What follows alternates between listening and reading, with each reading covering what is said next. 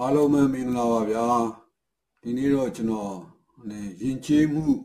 စစ်ပွဲများဆိုတဲ့အကြောင်းကိုနေဆွေးနွေးကြည့်မလားလို့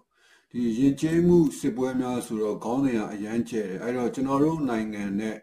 direct เนาะသက်ဆိုင်နေတဲ့เนาะအကြောင်းကိုပဲကျွန်တော်အဓိကထားပြီးတော့ဆွေးနွေးခြင်းတယ်ဒါပေမဲ့အနေ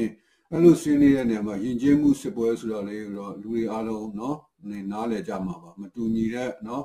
ဘာသာတရားတွေနော်ဘာသာစကားတွေလူမျိုးတွေယဉ်ကျေးမှုတွေအုပ်စုတစ်ခုနဲ့တစ်ခုကြားမှာနော်ဖြစ်တဲ့စစ်ပွဲတွေဒါမှမဟုတ်လည်းနိုင်ငံတနိုင်ငံနဲ့တနိုင်ငံကြားမှာဖြစ်တဲ့စစ်ပွဲတွေဒီလိုစစ်ပွဲတွေကိုယဉ်ကျေးမှုစစ်ပွဲတွေလို့ခေါ်တယ်အဲ့တော့ဒီလိုယဉ်ကျေးမှုစစ်ပွဲတွေဘယ်အချိန်မှာဖြစ်တတ်လဲဆိုတဲ့အခါကြလို့ရှိရင်နော်တစ်ဟုတ်လားနိုင်ငံရေးအပြောင်းအလဲတွေနိုင်ငံရေးစနစ်အပြောင်းအလဲတွေကိုနိုင်ငံတနိုင်ငံမှာလုပ်တဲ့အချိန်မှာပဲဖြစ်စေနော် အဲ့ဒီ data တစ်ခုနိုင်ငံတစ်ခုမှာနော်မတူညီတဲ့အုပ်စုတွေကြားထဲမှာအုပ်စုတစ်ခုကလူဦးရေရအစမတန်ထိုးပွားများပြားလာတဲ့အချိန်မှာနော်ဒီလိုယဉ်ကျေးမှုစစ်ပွဲတွေကနည်းဖြစ်တတ်ကြတယ်အဲ့တော့ကျွန်တော်တို့နိုင်ငံမှာဟုတ်လားအခုနိုင်ငံရေးအပြောင်းလဲတွေပြုပြင်ပြောင်းလဲမှုတွေနိုင်ငံရေးစနစ်အပြောင်းလဲတွေကိုကျွန်တော်တို့လုပ်ကြတယ်နော်လုပ်ကြရဲဆိုတော့ကျွန်တော်တို့ကဒီမိုကရေစီကိုလိုချင်တယ်အဲဒီမိုကရေစီဆိုတာ အားလုံးသိပြီးတဲ့အတိုင်းပဲကိုကိုအုပ်ချုပ်မဲ့အစိုးရကိုလွတ်လပ်ပြီးတရားမျှတတဲ့ရွေးကောက်ပွဲတွေကနေတဆင့်ဟုတ်လားမဲပေးပြီးတော့မဲပေးဒီအသက်အရွယ်ရောက်ပြီးတော့မဲပေးနိုင်တဲ့သူတိုင်းမဲပေးတဲ့เนาะအုပ်ချုပ်ရေးစနစ်ကိုအစိုးရကိုဟုတ်လားမျိုးဒီမိုကရေစီလို့ကျွန်တော်တို့ကရှေ့ဘူးကနားလည်လို့ရတယ်။ဒါပေမဲ့သူဒီမိုကရေစီတစ်ခုလည်းနဲ့ပြီးလားဆိုတော့မပြီးပါဘူးเนาะအဲ့တော့ဒီမိုကရေစီရလို့ဖြစ်လာလို့ရှိရင်ဒီမိုကရေစီနဲ့အတူ နော်ရှင်တန်ပြီးတော့နော်ကျင်လည်မဲ့နိုင်ငံရေးစနစ်တွေနိုင်ငံရေးအယူဝါဒတွေဆိုတာကျွန်တော်တို့စီမှာလိုလာတယ်အဲ့တော့ဒီနေ့21ရာစုဒီမိုကရေစီမှာဟုတ်လား liberal နိုင်ငံရေးစနစ်ဟုတ်လားပွင့်လင်းလွတ်လပ်တဲ့လူပေါင်းအဖွဲ့အစည်းတွေကိုကျွန်တော်တို့ကနော်ဒီမိုကရေစီနဲ့အတူရှင်တွဲပြီးတော့ကျင့်သုံးကြတယ်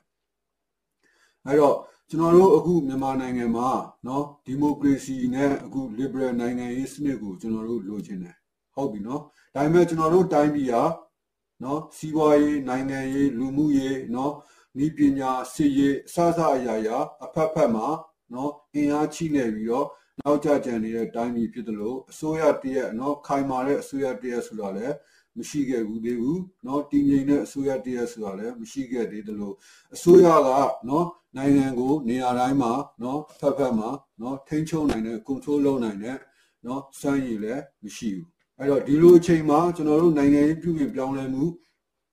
လုပ်တဲ့အချိန်မှာเนาะနိုင်ငံတကာအဖွဲ့အစည်းတွေအထူးသဖြင့် OSI နော် Open Society Institute နော် George Soros ဟလာ Hungary မှာရှိတဲ့သူ့ရဲ့အဖွဲ့အစည်းကိုမောင်းထုတ်လိုက်ပြီး Hungary အစိုးရအဲ့တဲ့သူဂျာမနီကိုပြေးရပြီဟုတ်လား CIA နော်အဲ့တော့ George Soros OSI ရှိမယ် UN ရှိမယ်ဟုတ်လား OIC ရှိမယ်အခြားနေအစိုးရမဟုတ်တဲ့အဖွဲ့အစည်းတွေရှိမယ် ဒီအဖွဲ့အစည်းတွေကဒီယဉ်ကျေးမှုစစ်ပွဲလို့ခေါ်တဲ့ဒီကမ္ဘာမှာရှိတဲ့နိုင်ငံတွေရဲ့နိုင်ငံရေးစနစ်အပြောင်းလဲမှာ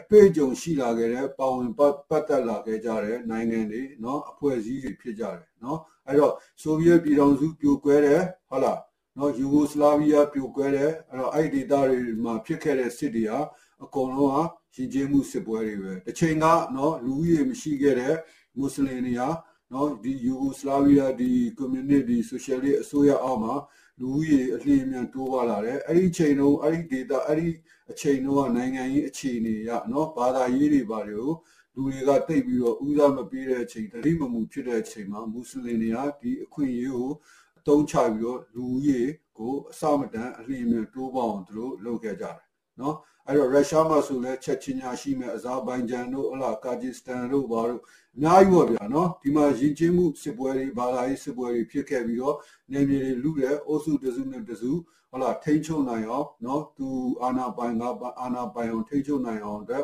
ကြိုးပမ်းပြီးတော့ဟုတ်လားစစ်ပွဲတွေဖြစ်ခဲ့ကြတယ်ကဲထားတော့နော်ဒီဥစ္စာ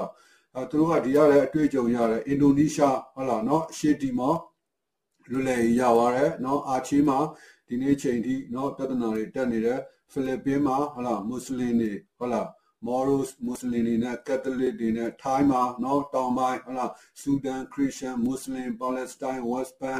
အများကြီးပေါ့ဗျာပြောမယ်ဆိုလို့ရှိရင်ထားပါတော့ယဉ်ကျေးမှုစစ်ပွဲတွေဟုတ်လားအများကြီးဟုတ်လားဖြစ် နေဖြစ်နေကြတယ်အဲ့တော့ကျွန်တော်တို့နိုင်ငံမှာเนาะနိုင်ငံရေးအပြောင်းလဲဖြစ်တဲ့အခါကျတော့ဒီအဖွဲ့အစည်းတွေဒီနိုင်ငံတကာအဖွဲ့အစည်းတွေအနောက်နိုင်ငံတွေเนาะ ဒီနိုင်ငံတကာအဖွဲ့အစည်းရဲ့အနောက်နိုင်ငံတွေကဘာဖြစ်လဲဒီမိုကရေစီလိုတက်ကြွလှုပ်ရှားတဲ့အဖွဲ့အစည်းတွေနဲ့အထူးသဖြင့် NLD အစိုးရနဲ့ဒေါ်ဆန်းစုကြည်ကိုအဖက်ဖက်ကနေပြီးတော့သူတို့ကကူညီထောက်ပံ့ခဲ့ကြတယ်နိုင်ငံတွေအဖွဲ့အစည်းတွေဖြစ်ကြတယ်အဲ့တော့ဒီလိုမျိုးနိုင်ငံအပြောင်းလဲမှာ NLD ပါတီအာဏာရလာတဲ့အချိန်မှာအာဏာရလာတဲ့အခါမှာသူတို့ရဲ့လူရင်းဆန္ဒတွေကိုသူတို့ရဲ့ရည်ရွယ်ချက်တွေကိုအကောင့်တွေပေါ်ဖို့အတွက်ကို NLD ပါတီနဲ့ဒေါန်ဆန်းစုကြည်ကိုသူတို့ကကပိုက်ဆောင်တွေကိုထဲ့တဲ့အလုပ်တွေလုပ်လာကြတယ်အခုဒေါန်ဆန်းစုကြည်ဆိုလို့ရှိရင်လည်းသူ့ရဲ့အကြံပေးအရာရှိတွေအကုန်လုံးကနော်နိုင်ငံခြားအစိုးရတွေကတရှိုးတွေစပိုင်တွေကြီးပဲကိုအကုန်လုံးသူအကြံပေးဖြစ်သူ့ရဲ့ကက်ဘိနက်မှာသူနော်သူ့ရဲ့ဟိုနေမှာသူထားရတာဖြစ်တယ်အဲ့တော့ဒီ OSI ခေါင်းဆောင်နဲ့ဒီနိုင်ငံတကာအဖွဲ့အစည်းတွေရဲ့အဓိကရည်ရွယ်ချက်လိုချင်တာကတိုင်းပြည်မှာ နော်ဒီဘင်္ဂလီတွေကိုနော်ရိုဟင်ဂျာနာမည်နဲ့တိုင်းသားဖြစ်အတိမတ်ပြုပြီးတော့သူတို့ကိုဒေတာတစ်ခုမှာကိုယ်ပိုင်အုပ်ချုပ်ရေးနဲ့နော်သူတို့ဒေတာတစ်ခုကိုဖန်တီးဖို့အတွက်ကိုသူတို့ရဲ့ရည်ရွယ်ချက်နဲ့သူတို့လှုပ်ရှားလာကြတယ်နော်အဲ့ဒီကနေမှတဆင်နော်အစ္စလမ်တွေကျွန်တော်တို့မွတ်စလင်တွေဟုတ်လားကျွန်တော်တို့တိုင်းပြည်မှာနော်ခွဲခြားဆက်ဆံခံရတဲ့အနှိမ်ခံရတဲ့အနိုင်ကျင့်ခံရတဲ့အပြတ်ပြတ်ခံရတဲ့ဆိုတဲ့အထိဟုတ်လားဆွဆွဲချက်တွေနဲ့ကျွန်တော်တို့တိုင်းပြည်ကိုနော်ပုံဖြတ် တိုက်ခိုက်လာကြတာเนาะအားလုံးအသိပဲเนาะအဲ့တော့ကျွန်တော်တို့ဆေးရနာရှင်เนาะအုပ်ချုပ်တဲ့အောက်မှာဖြစ်ဖြစ်ဟုတ်လားမဆလာเนาะမြန်မာဆိုရှယ်လစ်လမ်းတွေပါလို့အုပ်ချုပ်တဲ့ကာလမှာဖြစ်ဖြစ်အင်အားကြီးနေတဲ့အစိုးရအင်အားကြီးနေတဲ့တိုင်းပြည်အနေနဲ့เนาะဒီအထမ်းဝေးရဲ့ဒီနယ်စပ်ဒေသမှာရှိတဲ့ဒီဒီဒီလူဝင်မှုတွေကိုမကြီးကြပ်နိုင်ခဲ့ဘူးအဲ့ဒီအပေါ်မှာဘင်္ဂလားဒေ့ရှ်ကနေပြီးတော့တရားမဝင်ကူးပြောင်းလာကြတဲ့ နော်တရားမဝင်ခိုးဝင်လာကြတဲ့လူတွေနော်အဲ့ဒီဒေတာမှာနော်မိန်းမတွေ၄၅၁၀ယောက်ယူနော်ကလေးတယောက်နေမိန်းမတယောက်ကိုကလေးအာဟလာ၁၀ယောက်၁၂ယောက်အထိနဲ့လူဦးရေတိုးဝမှုနှုန်းတွေအစမတန်မြင့်မားလာအောင်နော်လုပ်ယူလာခဲ့ကြတာကိုကျွန်တော်တို့မသိခဲ့ကြဘူးအခုနိုင်ငံရေးအပြောင်းအလဲဖြစ်တဲ့အချိန်ကြမှာဒါတွေကိုသိလာကြတယ်သိလာတဲ့အချိန်မှာနော် ဒီလူတွေလေတွေနဲ့နိုင်ငံတကာကိုထွက်ပြေးတဲ့ဟာတွေကိုနော်နိုင်ငံတကာရေးဖြစ်ကိုဒီမီဒီယာတွေဒီအဖွဲ့အစည်းတွေဒီနိုင်ငံတွေကနေပြီးတော့လောက်ခဲ့ပြီးတော့ဒီပြဿနာကိုနိုင်ငံတကာလောက်နိုင်ငံတကာပြဿနာအဖြစ်နေလောက်လာကြတယ်လောက်လာကြပြီးတော့နော်ဘင်္ဂလီအရေးကိုဘင်နီသူတို့ရဲ့ရှိရချက်ဖြစ်သူတို့နေလောက်လာခဲ့နေလောက်လောက်လာတာဒါကျွန်တော်တို့နိုင်ငံသူနိုင်ငံသားတွေအားလုံးသိထားပြီးသားဖြစ်တယ်နော် အဲ့တော့ဒီနေရာမှာကျွန်တော်အခုနော်လူရင်းဆိုရင်လာပါလဲဆိုတော့ကျွန်တော်တို့ဒီမိုကရေစီဆိုတာလူဦးရေကိုအခြေခံတဲ့နော်အုပ်ချုပ်ရေးဖြစ်တယ်အဲ့တော့လူဦးရေများတဲ့သူကတိုင်းပြည်ကို control လုပ်နိုင်မယ်တိုင်းပြည်ကိုအုပ်ချုပ်နိုင်မယ်အဲ့တော့အခုလိုကျွန်တော်တို့လိုအင်အားချိနေတဲ့အစိုးရအင်အားချိနေတဲ့တိုင်းပြည်အနေအထားမှာဘင်္ဂလီတွေကိုကျွန်တော်တို့ကထိန်းချုပ်နိုင်မှုမရှိဘဲနဲ့နော်ဘင်္ဂလီတွေကိုထိန်းချုပ်နိုင်စွမ်းမရှိဘဲနဲ့နော် ဒီနိုင်ငံရေးဒီမိုကရေစီနဲ့ပါလာတဲ့နိုင်ငံရေးလွတ်လပ်ခွင့်တွေနော်လွတ်လပ်တဲ့လူ့ဘောင်အဖွဲ့အစည်းတွေမှာရှိတဲ့ကျင့်သုံးတဲ့ဟာတွေကိုနော်ပြီးပြီးတော့ကျင့်သုံးမယ်နော်လုပ်ခွင့်ပေးမယ်ဆိုလို့ရှိရင်ကျွန်တော်တို့ကဒီဘင်္ဂလီတွေရဲ့ဒီမွတ်စလင်တွေရဲ့လူဦးရေရနော်လွှမ်းမိုးခံတဲ့နော်နေနိုင်ငံတစ်ခုဖြစ်လာပြီးနောက်ဆုံးမွတ်စလင်နိုင်ငံကိုဖြစ်သွားမယ်အနေအထားမျိုးကိုကျွန်တော်တို့ရောက်သွားလိမ့်မယ် နော်အဲ့တော့အဲ့လိုမျိုးဖြစ်ဖို့အတွက်အခြေအနေတွေအလားအလာတွေရှိလားဆိုတော့ရှိတယ်နော်အဲ့တော့ဒီလိုမျိုးကိုယ်တိုင်းပြည်မှာနော်ကိုယ်တိုင်းပြည်ရဲ့နိုင်ငံအရေးအရာတွေကိုမတက်ဆိုင်တဲ့အဖွဲ့အစည်းတွေနိုင်ငံတွေကပါဝင်ဆက်ဖက်ချယ်လေဘူးဆိုတာကျွန်တော်တို့မှာအိမ်ရင်းတစ်ခုရှိမှရမှာဟုတ်တယ်ဗလားတခိုးဓာယုကန်နေလို့နေဓာယုနဲ့အိမ်ရင်းတခိုးနော်အိမ်ရင်းတခိုးရှိမှရမယ်အခု NLD ပါတီဆိုတာဒါအိမ်ရင်းတခိုးပါတီနော် ဟော NLD နော်ဒေါ်နန်းစုကြည်ကအနောက်နိုင်ငံတွေဒီနိုင်ငံတွေကအဖွဲ့အစည်းတွေနဲ့ OSI လို့အဖွဲ့အစည်းတွေရဲ့နော်နော်အဖက်ဘက်ကနေကူညီထောက်ပံ့မှုကိုရလာတဲ့နော်ပါတီတစ်ခုဖြစ်တဲ့အတွက်အခုသူအာဏာရလာတဲ့အခါမှာနော်သူဘာတွေလုပ်လဲမဘာသာကိုသူဖြတ်သိမ်းတယ်သူပါတီဝင်တွေရဲ့ပြောစကားတွေကိုနားထောင်ကြည့်ဟုတ်လားဗုဒ္ဓဘာသာကိုသူတို့ဘယ်လိုတွေလုပ်နေလဲဟုတ်လားအပြီးတဲ့အခါကျလို့ရှိလို့ရှိရင်မျိုးဆောင်ဥပဒေတွေကိုသူတို့ဖြတ်သိမ်းတယ်နော် အပြီးတဲ့အခါကျလို့ရှိရင်တိုင်းပြည်ကိုဟုတ်လား ICJ ကိုခေါ်သွားတယ်ပြီးတဲ့အခါကျရင်တိုင်းပြည်မှာနော်ဟိုတက်ကြွလှုပ်ရှားသူလိုလိုလွတ်လပ်တဲ့သတင်းချန်နယ်လိလိုလိုနာမည်ခံပြီးတော့နော်နိုင်ငံခြားအစိုးရတွေအတွက်ထောက်လှမ်းရေးလုပ်နေတဲ့သူတွေနော်ဒီလူတွေရဲ့နော်ဟိုပြောဆိုမှုတွေကိုနားထောင်ကြည့်မယ်ဆိုလို့ရှိရင်ကျွန်တော်တို့တိုင်းပြည်ဟာအန်ဒီရဲ့လက်တကမ်းကိုကြာနေတာဖြစ်တယ်နော်အဲ့တော့ ကျွန်တော်တို့လိုချင်တဲ့เนาะဒီမိုကရေစီနဲ့လိုချင်တဲ့လွတ်လပ်တဲ့လူ့ဘောင်အဖွဲ့အစည်းနိုင်ငံရေးစနစ်ဟာကျွန်တော်တို့နိုင်ငံသူနိုင်ငံသားတွေမှာเนาะ control လုပ်နိုင်တဲ့စွမ်းရည်ဒီမတူညီတဲ့เนาะဘာသာကြားတွေရည်ကြီးမှုတွေကို control လုပ်နိုင်တဲ့เนาะစွမ်းရည်အနေထားအခြေအနေမျိုးမရှိတဲ့အချိန်မှာเนาะမရှိတဲ့အချိန်မှာဒီလိုမျိုးအိမ်လင်းတစ်ခုနိုင်ငံရေးပါတီเนาะ NLD ပါတီကို အာဏာ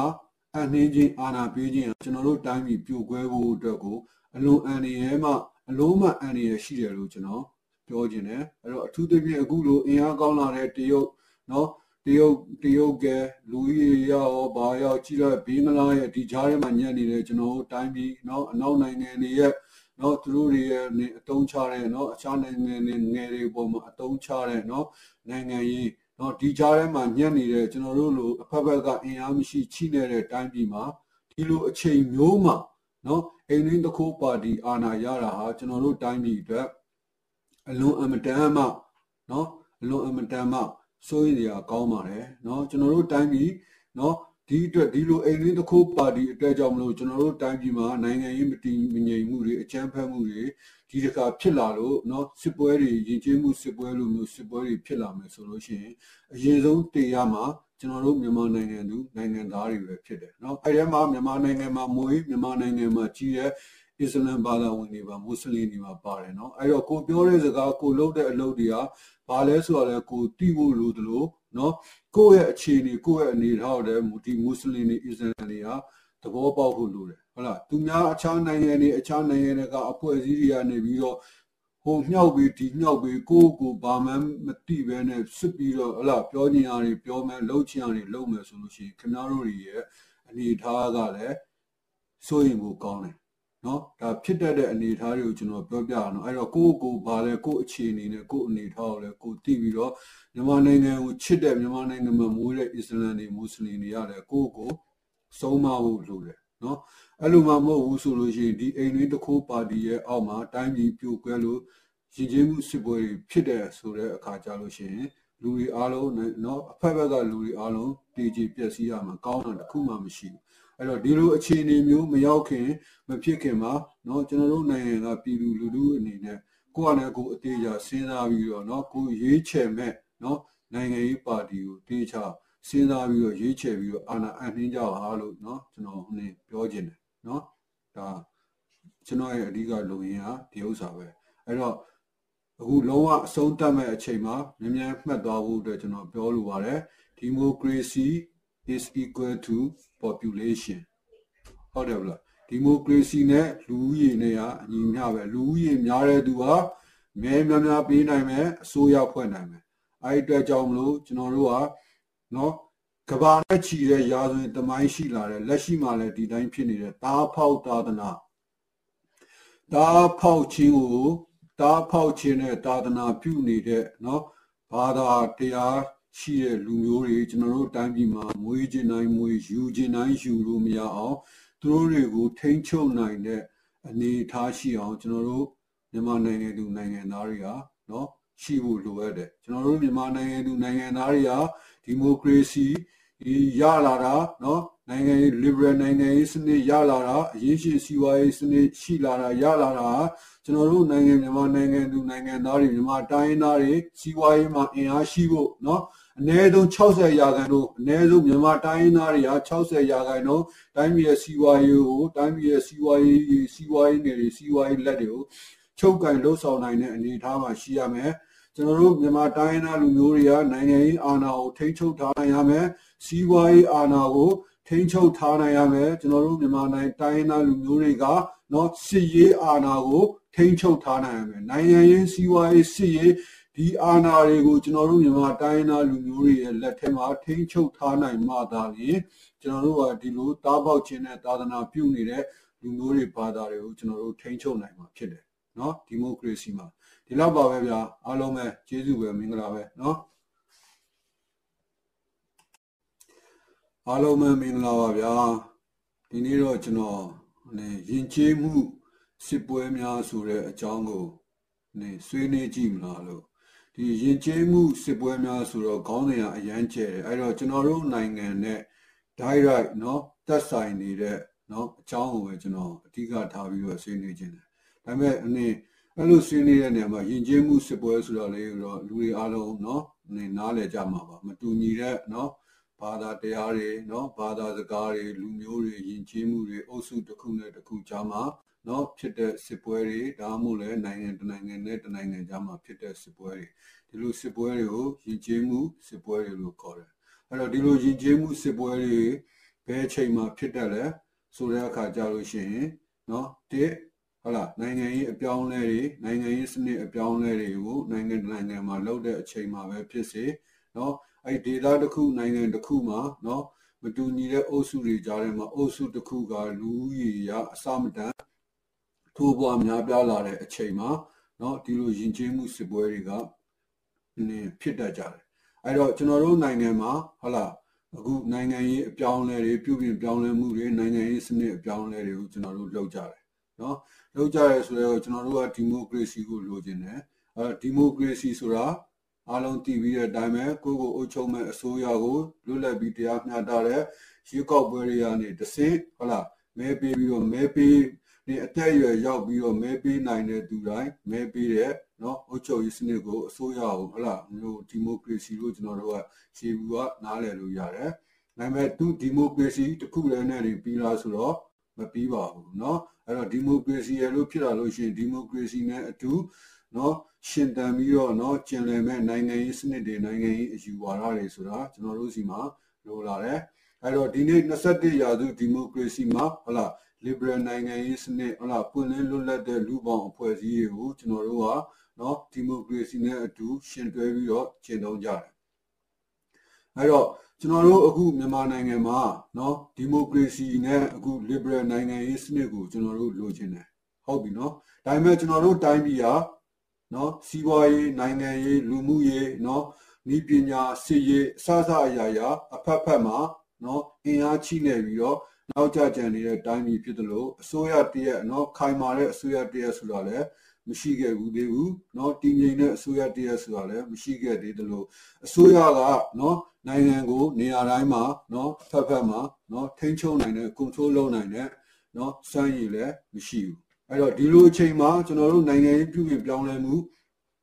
လုပ်တဲ့အချိန်မှာเนาะနိုင်ငံတကာအဖွဲ့အစည်းတွေအထူးသဖြင့် OSI နော် Open Society Institute နော် George Soros ဟလာဟန်ဂေရီမှာရှိတဲ့သူ့ရဲ့အဖွဲ့အစည်းကိုမောင်းထုတ်လိုက်ပြီးဟန်ဂေရီအစိုးရအဲ့တဲ့သူဂျာမနီကိုပြေးရပြီဟုတ်လား CIA နော်အဲ့တော့ George Soros OSI ရှိမယ် UN ရှိမယ်ဟုတ်လား OIC ရှိမယ်အခြားနေအစိုးရမဟုတ်တဲ့အဖွဲ့အစည်းတွေရှိမယ်ဒီအဖွဲ့အစည်းတွေကဒီယဉ်ကျေးမှုစစ်ပွဲလို့ခေါ်တဲ့ဒီကမ္ဘာမှာရှိတဲ့နိုင်ငံတွေရဲ့နိုင်ငံရေးစနစ်အပြောင်းလဲမှာ အတွေ့အကြုံရှိလာခဲ့တဲ့ပါဝင်ပတ်သက်လာခဲ့ကြတဲ့နိုင်ငံတွေเนาะအဖွဲ့အစည်းတွေဖြစ်ကြတယ်เนาะအဲ့တော့ဆိုဗီယက်ပြည်ထောင်စုပြိုကွဲတယ်ဟုတ်လားเนาะယူဂိုစလာဗီးယားပြိုကွဲတယ်အဲ့တော့အဲ့ဒီဒေသတွေမှာဖြစ်ခဲ့တဲ့စစ်တွေဟာအကုန်လုံးဟာရှင်ကျေးမှုစစ်ပွဲတွေပဲတစ်ချိန်ကเนาะလူဦးရေမရှိခဲ့တဲ့မွတ်စလင်တွေဟာเนาะဒီယူဂိုစလာဗီးယားဒီကွန်မြူနတီဆိုရှယ်လစ်အစိုးရအောက်မှာလူဦးရေအလျင်မြန်တိုးပွားလာတယ်အဲ့ဒီချိန်တုန်းအဲ့ဒီဒေတာအဲ့ဒီ အချိန်တုန်းကနိုင်ငံရေးအခြေအနေရနော်ဘာသာရေးတွေဘာတွေကိုလူတွေကတိတ်ပြီးတော့ဦးစားမပေးတဲ့အချိန်တတိမမူဖြစ်တဲ့အချိန်မှာမွတ်စလင်တွေကဒီအခွင့်အရေးကိုအသုံးချပြီးတော့လူဦးရေကိုအစမတန်အလျင်မြန်တိုးပေါအောင်သူတို့လုပ်ခဲ့ကြတယ်နော်အဲ့တော့ရုရှားမှာဆိုလဲချက်ချင်းညာရှိမဲ့အဇာဘိုင်ဂျန်တို့ဟလာကာဂျီစတန်တို့ဘာတို့အများကြီးပေါ့ဗျာနော်ဒီမှာယဉ်ကျေးမှုစစ်ပွဲတွေဘာသာရေးစစ်ပွဲတွေဖြစ်ခဲ့ပြီးတော့နေမြေတွေလူတဲ့အုပ်စုတစုနဲ့တစု ဟုတ်လားထိချုံနိုင်အောင်နော်သူအာနာပိုင်ငါအာနာပိုင်အောင်ထိချုံနိုင်အောင်အတွက်ကြိုးပမ်းပြီးတော့ဟုတ်လားစစ်ပွဲတွေဖြစ်ခဲ့ကြတယ်ကဲထားတော့နော်ဒီဥစ္စာအဲသူတို့ကဒီရတဲ့အတွေ့အကြုံရတယ်အင်ဒိုနီးရှားဟုတ်လားနော်အရှေ့တီမောလူလည်ရပါတယ်နော်အာချီမှာဒီနေ့ချိန်ထိနော်ပြဿနာတွေတက်နေတယ်ဖိလစ်ပင်းမှာဟုတ်လားမွတ်စလင်တွေဟုတ်လား Moros မွတ်စလင်တွေနဲ့ Catholic တွေနဲ့ Thai မှာနော်တောင်ပိုင်းဟုတ်လား Sudan Christian Muslim Palestine West Bank အများကြီးပေါ့ဗျာပြောမယ်ဆိုလို့ရှိရင်ထားပါတော့ယဉ်ကျေးမှုစစ်ပွဲတွေဟုတ်လားအများကြီးဟုတ်လားဖြစ်နေဖြစ်နေကြတယ်အဲ့တော့ကျွန်တော်တို့နိုင်ငံမှာနော်နိုင်ငံရေးအပြောင်းလဲဖြစ်တဲ့အခါကျတော့ဒီအဖွဲ့အစည်းတွေဒီနိုင်ငံတကာအဖွဲ့အစည်းတွေအနောက်နိုင်ငံတွေနော်ဒီနိုင်ငံတကာအဖွဲ့အစည်းတွေအနောက်နိုင်ငံတွေကဘာဖြစ်လဲဒီမိုကရေစီလိုတက်ကြွလှုပ်ရှားတဲ့ အဖွဲ့အစည်းတွေနဲ့အထူးသဖြင့် NLD အစိုးရနဲ့ဒေါ်ဆန်းစုကြည်ကိုအဖက်ဖက်ကနေပြီးတော့သူတို့ကကူညီထောက်ပံ့ခဲ့ကြတယ်နိုင်ငံတွေအဖွဲ့အစည်းတွေဖြစ်ကြတယ်အဲ့တော့ဒီလိုမျိုးနိုင်ငံအပြောင်းလဲမှာ NLD ပါတီအာဏာရလာတဲ့အချိန်မှာအာဏာရလာတဲ့အခါမှာသူတို့ရဲ့လူရင်းဆန္ဒတွေကိုသူတို့ရဲ့ရည်ရွယ်ချက်တွေကိုအကောင့်တွေပေါ်ဖို့အတွက်ကို NLD ပါတီနဲ့ဒေါန်ဆန်းစုကြည်ကိုသူတို့ကကပိုက်ဆောင်တွေကိုထဲ့တဲ့အလုပ်တွေလုပ်လာကြတယ် အခုဒေါန်ဆန်းစုကြည်ဆိုလို့ရှိရင်ပဲသူ့ရဲ့အကြံပေးအရာရှိတွေအကုန်လုံးကနော်နိုင်ငံခြားအစိုးရတွေကတရှိုးတွေစပိုင်တွေကြီးပဲကိုအကုန်လုံးသူအကြံပေးဖြစ်သူ့ရဲ့ကက်ဘိနက်မှာသူနော်သူ့ရဲ့ဟိုနေမှာသူထားရတာဖြစ်တယ်အဲ့တော့ဒီ OSI ခေါင်းဆောင်နဲ့ဒီနိုင်ငံတကာအဖွဲ့အစည်းတွေရဲ့အဓိကရည်ရွယ်ချက်လိုချင်တာကတိုင်းပြည်မှာနော်ဒီဘင်္ဂလီတွေကိုနော်ရိုဟင်ဂျာနာမည်နဲ့တိုင်းသားဖြစ်အတိအမဲ့ပြုပြီးတော့ သူတို့ကိုဒေတာတစ်ခုမှာကိုယ်ပိုင်အုပ်ချုပ်ရေးနဲ့နော်သူတို့ဒေတာတစ်ခုကိုဖန်တီးဖို့အတွက်ကိုသူတို့ရဲ့ရည်ရွယ်ချက်နဲ့သူတို့လှုပ်ရှားလာကြတယ်နော်အဲ့ဒီကနေမှတဆင်နော်အစ္စလာမ်တွေကျွန်တော်တို့မွတ်စလင်တွေဟုတ်လားကျွန်တော်တို့တိုင်းပြည်မှာနော်ခွဲခြားဆက်ဆံခံရတဲ့အနှိမ်ခံရတဲ့အနိုင်ကျင့်ခံရတဲ့အသက်ပြတ်ခံရတဲ့ဆိုတဲ့အထိဟုတ်လားဆွဆွဲချက်တွေနဲ့ကျွန်တော်တို့တိုင်းပြည်ကိုနော်ပုံဖြတ်တိုက်ခိုက်လာကြတာနော်အားလုံးအသိပဲ နော်အဲ့တော့ကျွန်တော်တို့ဆရာနာရှင်နော်အုပ်ချုပ်တဲ့အောက်မှာဖြစ်ဖြစ်ဟုတ်လားမဆလနော်မြန်မာဆိုရှယ်လစ်လမ်းတွေပါလို့အုပ်ချုပ်တဲ့ကာလမှာဖြစ်ဖြစ်အင်အားကြီးနေတဲ့အစိုးရအင်အားကြီးနေတဲ့တိုင်းပြည်အနေနဲ့နော်ဒီအထမ်းဝေးရဲ့ဒီနယ်စပ်ဒေသမှာရှိတဲ့ဒီဒီဒီလူဝင်မှုတွေကိုမကြီးကြပ်နိုင်ခဲ့ဘူးအဲ့ဒီအပေါ်မှာဘင်္ဂလားဒေ့ရှ်ကနေပြီးတော့တရားမဝင်ကူးပြောင်းလာကြတဲ့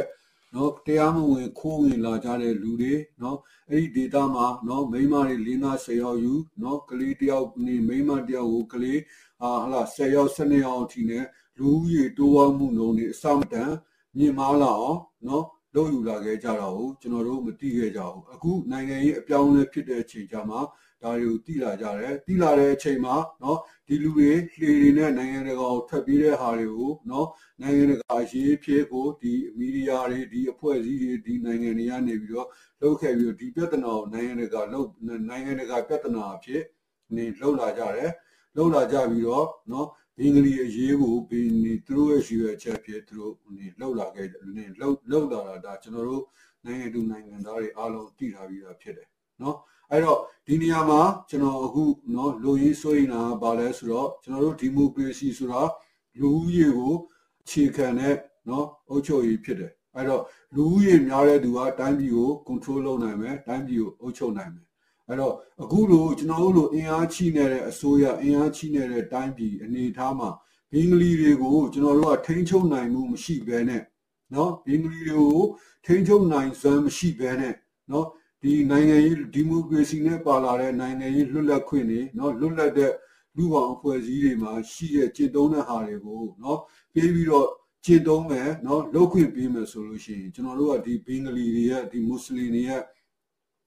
လူဦးရေရနော်လွှမ်းမိုးခံတဲ့နော်နေနိုင်ငံတစ်ခုဖြစ်လာပြီနောက်ဆုံးမွတ်စလင်နိုင်ငံကိုဖြစ်သွားမယ်အနေအထားမျိုးကိုကျွန်တော်တို့ရောက်သွားလိမ့်မယ် နော်အဲ့တော့အဲ့လိုမျိုးဖြစ်ဖို့အတွက်အခြေအနေတွေအလားအလာတွေရှိလားဆိုတော့ရှိတယ်နော်အဲ့တော့ဒီလိုမျိုးကိုယ်တိုင်းပြည်မှာနော်ကိုယ်တိုင်းပြည်ရဲ့နိုင်ငံအရေးအရာတွေကိုမသက်ဆိုင်တဲ့အဖွဲ့အစည်းတွေနိုင်ငံတွေကပါဝင်ဆက်ဖက်ချယ်လေဘူးဆိုတာကျွန်တော်တို့မှာအိမ်ရင်းတစ်ခုရှိမှရမှာဟုတ်တယ်ဗလားတခိုးဓာယုကန်နေလို့နေဓာယုနဲ့အိမ်ရင်းတခိုးနော်အိမ်ရင်းတခိုးရှိမှရမယ်အခု NLD ပါတီဆိုတာဒါအိမ်ရင်းတခိုးပါတီနော် ဟော NLD နော်ဒေါ်နန်းစုကြည်ကအနောက်နိုင်ငံတွေဒီနိုင်ငံတွေကအဖွဲ့အစည်းတွေနဲ့ OSI လို့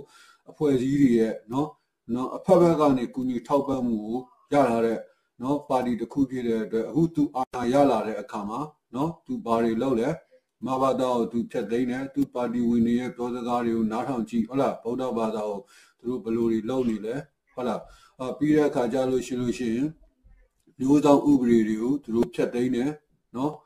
ပြီးတဲ့အခါကျလို့ရှိရင်တိုင်းပြည်ကိုဟုတ်လား ICJ ကိုခေါ်သွားတယ်ပြီးတဲ့အခါကျရင်တိုင်းပြည်မှာနော်ဟိုတက်ကြွလှုပ်ရှားသူလိုလိုလွတ်လပ်တဲ့သတင်းချန်နယ်လိလိုလိုနာမည်ခံပြီးတော့နော်နိုင်ငံခြားအစိုးရတွေထောက်လိုင်းလုပ်နေတဲ့သူတွေနော်ဒီလူတွေရဲ့နော်ဟိုပြောဆိုမှုတွေကိုနားထောင်ကြည့်မယ်ဆိုလို့ရှိရင်ကျွန်တော်တို့တိုင်းပြည်ဟာအန်ရဲ့လက်တကန်းကိုကြာနေတာဖြစ်တယ်နော်အဲ့တော့ ကျွန်တော်တို့လိုချင်တဲ့เนาะဒီမိုကရေစီနဲ့လိုချင်တဲ့လွတ်လပ်တဲ့လူ့ဘောင်အဖွဲ့အစည်းနိုင်ငံရေးစနစ်ဟာကျွန်တော်တို့နိုင်ငံသူနိုင်ငံသားတွေမှာเนาะ control လုပ်နိုင်တဲ့စွမ်းရည်ဒီမတူညီတဲ့เนาะဘာသာကြားတွေရည်ကြီးမှုတွေကို control လုပ်နိုင်တဲ့เนาะစွမ်းရည်အနေအထားအခြေအနေမျိုးမရှိတဲ့အချိန်မှာเนาะမရှိတဲ့အချိန်မှာဒီလိုမျိုးအိမ်ရင်းတစ်ခုနိုင်ငံရေးပါတီเนาะ NLD ပါတီကို အာဏာအနှင်းချင်းအာဏာပေးခြင်းကျွန်တော်တို့တိုင်းပြည်ပြိုကွဲဖို့အတွက်ကိုအလွန်အန္တရာယ်မှအလုံးမအန္တရာယ်ရှိတယ်လို့ကျွန်တော်ပြောခြင်းတယ်အဲ့တော့အထူးသဖြင့်အခုလိုအင်အားကောင်းလာတဲ့တရုတ်နော်တရုတ်တရုတ်ကလူကြီးရောဘာရောကြီးတော့ဘင်္ဂလားရဲ့ဒီကြားထဲမှာညံ့နေတယ်ကျွန်တော်တို့တိုင်းပြည်နော်အနောက်နိုင်ငံတွေရဲ့နော်သူတို့တွေရဲ့အတုံးချတဲ့နော်အခြားနိုင်ငံတွေငယ်တွေပေါ်မှာအတုံးချတဲ့နော်နိုင်ငံရေး နော်ဒီကြားထဲမှာညံ့နေတဲ့ကျွန်တော်တို့လိုအဖက်ဖက်ကအင်အားမရှိချိနေတဲ့တိုင်းပြည်မှာဒီလိုအချိန်မျိုးမှာနော်အိမ်ရင်းတစ်ခုပါတီအာဏာရတာဟာကျွန်တော်တို့တိုင်းပြည်အတွက်အလွန်အမတန်မှနော်အလွန်အမတန်မှစိုးရိမ်စရာကောင်းပါတယ်နော်ကျွန်တော်တို့တိုင်းပြည်နော် ဒီအတွက်ဒီလိုအိမ်ရင်းတစ်ခုပါတီအတွက်ကြောင့်မလို့ကျွန်တော်တို့တိုင်းပြည်မှာနိုင်ငံရေးမတည်မငြိမ်မှုတွေအကြမ်းဖက်မှုတွေဒီတခါဖြစ်လာလို့เนาะစစ်ပွဲတွေရင်ကျေးမှုစစ်ပွဲလိုမျိုးစစ်ပွဲတွေဖြစ်လာမယ်ဆိုလို့ရှိရင်အရင်ဆုံးတည်ရမှာကျွန်တော်တို့မြန်မာနိုင်ငံသူနိုင်ငံသားတွေပဲဖြစ်တယ်เนาะအဲ့ဒီမှာမြန်မာနိုင်ငံမှာမွေးမြန်မာနိုင်ငံမှာကြီးတဲ့အစ္စလမ်ဘာသာဝင်တွေပါမွတ်စလင်တွေပါပါတယ်เนาะအဲ့တော့ကိုပြောတဲ့စကားကိုလုပ်တဲ့အလုပ်တွေကဘာလဲဆိုတော့လေကိုတိဖို့လိုသလို နော်ကိုယ့်ရဲ့အခြေအနေကိုယ့်ရဲ့အနေထားတွေဒီမွတ်စလင်တွေအစ္စလာမ်တွေဟာသဘောပေါက်ဖို့လိုတယ်ဟုတ်လားသူများအခြားနိုင်ငံတွေအခြားနိုင်ငံတွေကအဖွဲ့အစည်းတွေကနေပြီးတော့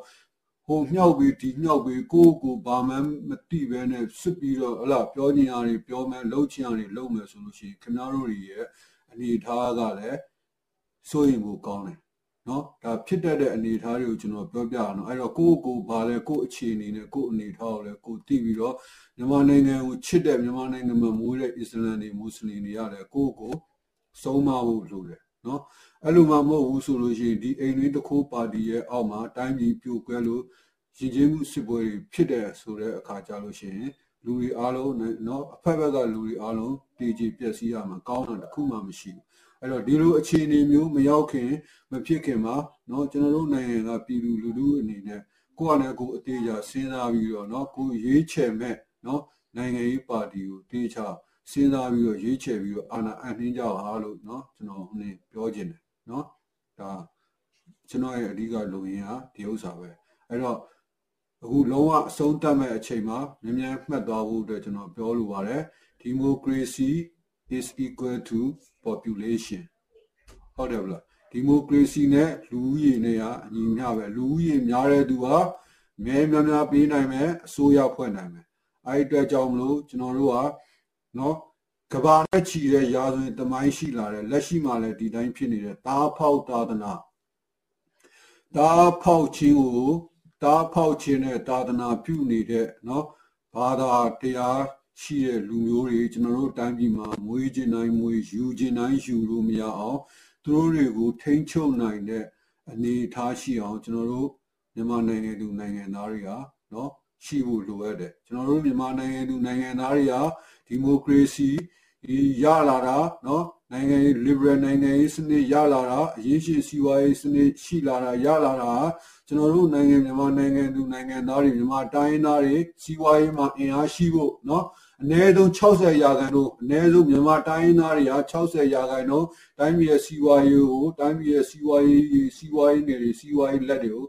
ချုပ်ကန်လှုပ်ဆောင်နိုင်တဲ့အနေအထားမှာရှိရမယ်ကျွန်တော်တို့မြန်မာတိုင်းသားလူမျိုးတွေကနိုင်ငံရေးအာဏာကိုထိန်းချုပ်ထားနိုင်ရမယ်စီးပွားရေးအာဏာကိုထိန်းချုပ်ထားနိုင်ရမယ်ကျွန်တော်တို့မြန်မာနိုင်ငံတိုင်းသားလူမျိုးတွေကနော်စစ်ရေးအာဏာကိုထိန်းချုပ်ထားနိုင်ရမယ်နိုင်ငံရေးစီးပွားရေးစစ်ရေး ဒီအာဏာတွေကိုကျွန်တော်တို့မြန်မာတိုင်းသားလူမျိုးတွေရဲ့လက်ထက်မှာထိန်းချုပ်ထားနိုင်မှသာလျှင်ကျွန်တော်တို့ကဒီလိုတားပေါက်ခြင်းနဲ့သာသနာပြုနေတဲ့လူမျိုးတွေဘာသာတွေကိုကျွန်တော်တို့ထိန်းချုပ်နိုင်မှာဖြစ်တယ်နော်ဒီမိုကရေစီမှာဒီလောက်ပါပဲဗျာအားလုံးပဲကျေးဇူးပဲမင်္ဂလာပဲနော်